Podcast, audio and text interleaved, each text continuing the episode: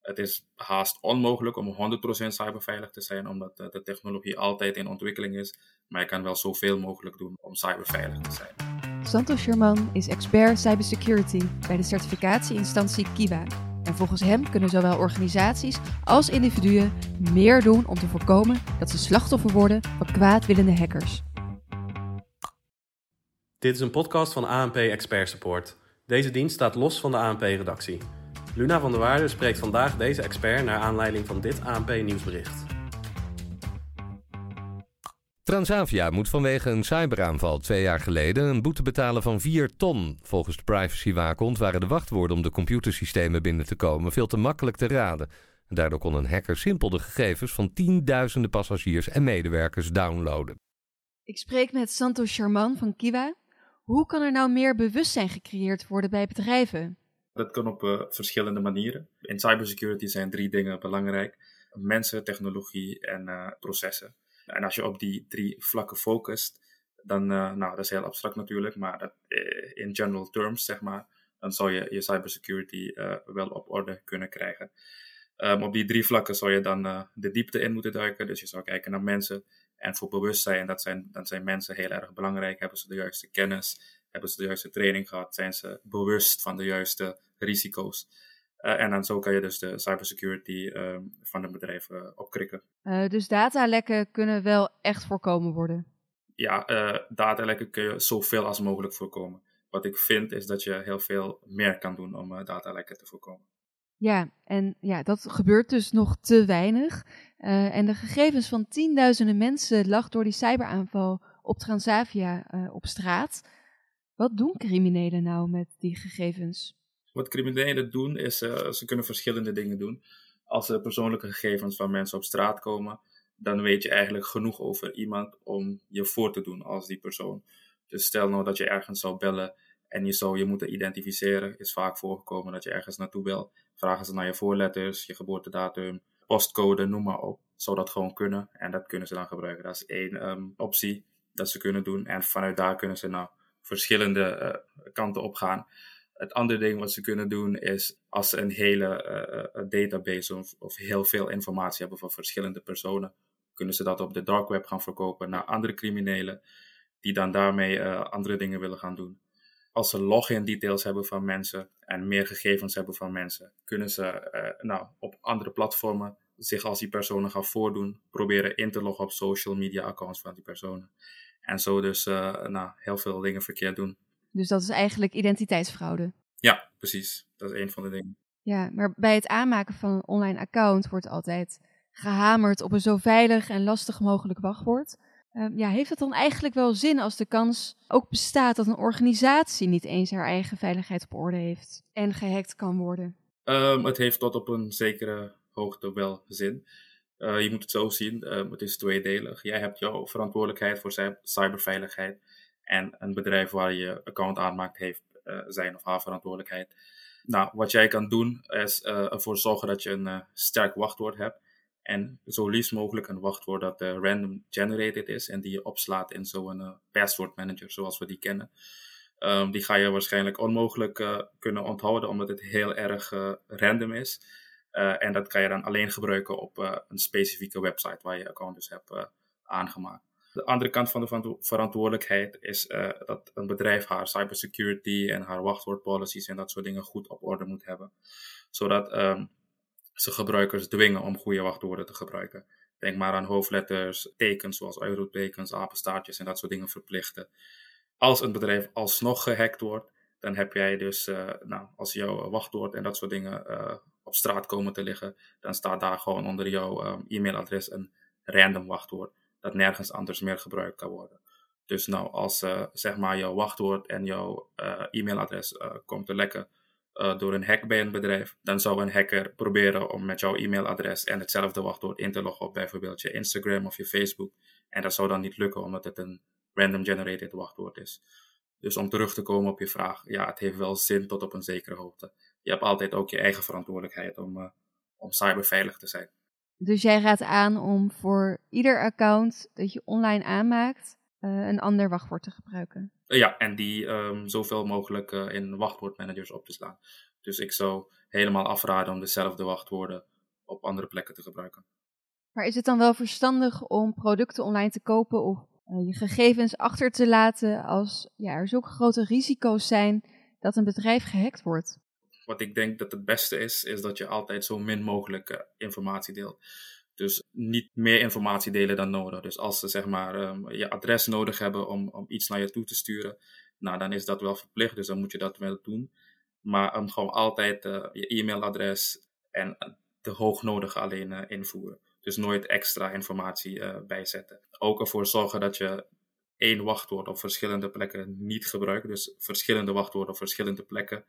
En gewoon ervoor zorgen dat je zo, zo min mogelijk van jezelf uh, vrijgeeft op de, op de verschillende pagina's. En dan weer terug naar het nieuwsbericht. Uh, want ja, de laatste jaren hoor je steeds vaker dat er hacks of cyberaanvallen zijn bij grote bedrijven. En ook bij onderwijsinstellingen en bij overheden. Wat voor gevolgen kunnen die aanvallen nou hebben voor de samenleving? Goeie vraag. Uh, ze kunnen verschillende gevolgen hebben. Een klein beetje terug op uh, je eerste vraag. Grootste is dat de privacy van personen bloot komt te staan als persoonlijke data lekt. Maar ook bedrijfsgevoelige informatie kan op straat terechtkomen. Um, hackers kunnen zulke type informatie gebruiken om um, bedrijven te uh, blackmailen, zeg maar, of uh, hacks uit te voeren. Of um, ja, dat gebruiken ter uh, informatie om hun aanvalsplan voor een cyberattack verder uit te breiden. Hoe je dat moet zien, een, een, een aanvaller, een, cyber, uh, een cyberhacker of een hacker um, is een aanvaller. Hij wil een cyberaanval uitvoeren. Daarvoor moet hij een soort van een aanvalsplan hebben. Om een aanvalsplan te hebben is het beste als je zoveel mogelijk weet over jouw, nou, jouw victim of jouw doelwit. Nou, hoe meer informatie op straat komt te staan, hoe meer zij weten over de doelwitten, hoe beter uh, hun aanvallen kunnen zijn. Dus ja, da daar draait het uiteindelijk om. En wat doe jij dan precies bij Kiwa om dit tegen te gaan? Ik ben de product manager IoT security bij Kiwa. Wat wij doen is het testen en certificeren van producten en diensten op het gebied van cybersecurity. En wat wij doen is vooral vanuit het compliance stuk um, certificeren van producten.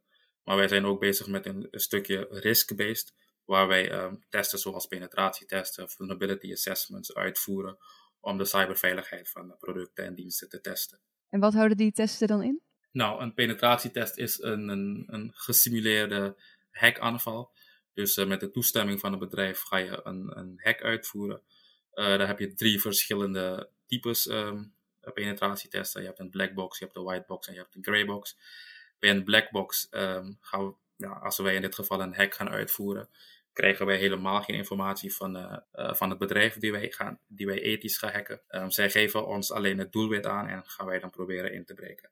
En een whitebox aan de andere kant krijgen wij zoveel uh, mogelijk inside information zeg maar, van het bedrijf om de hack uit te voeren.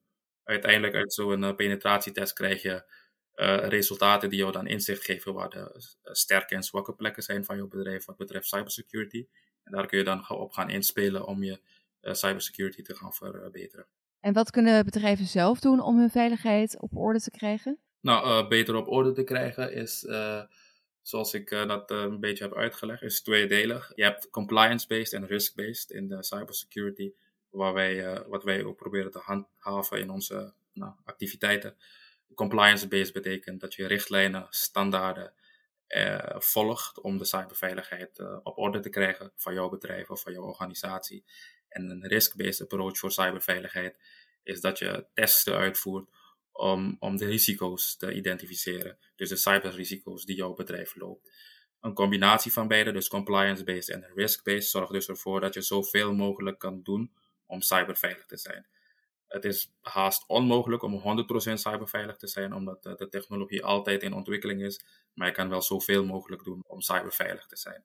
Dus ervoor zorgen dat je de juiste um, richtlijnen volgt, de juiste standaarden volgt. Maar ook dat je um, regelmatig de risico's analyseert door middel van penetratietesten, vulnerability assessments en noem maar op. Wat voor rol heeft de overheid om uh, cybersecurity te waarborgen? Nou, uh, de rol van de overheid is vooral om uh, de bewustzijn bij mensen, maar ook bij organisaties en bedrijven te vergroten en de mogelijkheden aan te geven van hoe zij het beste cybersecurity kunnen aanpakken. En dan kom ik weer terug op risk-based en compliance-based.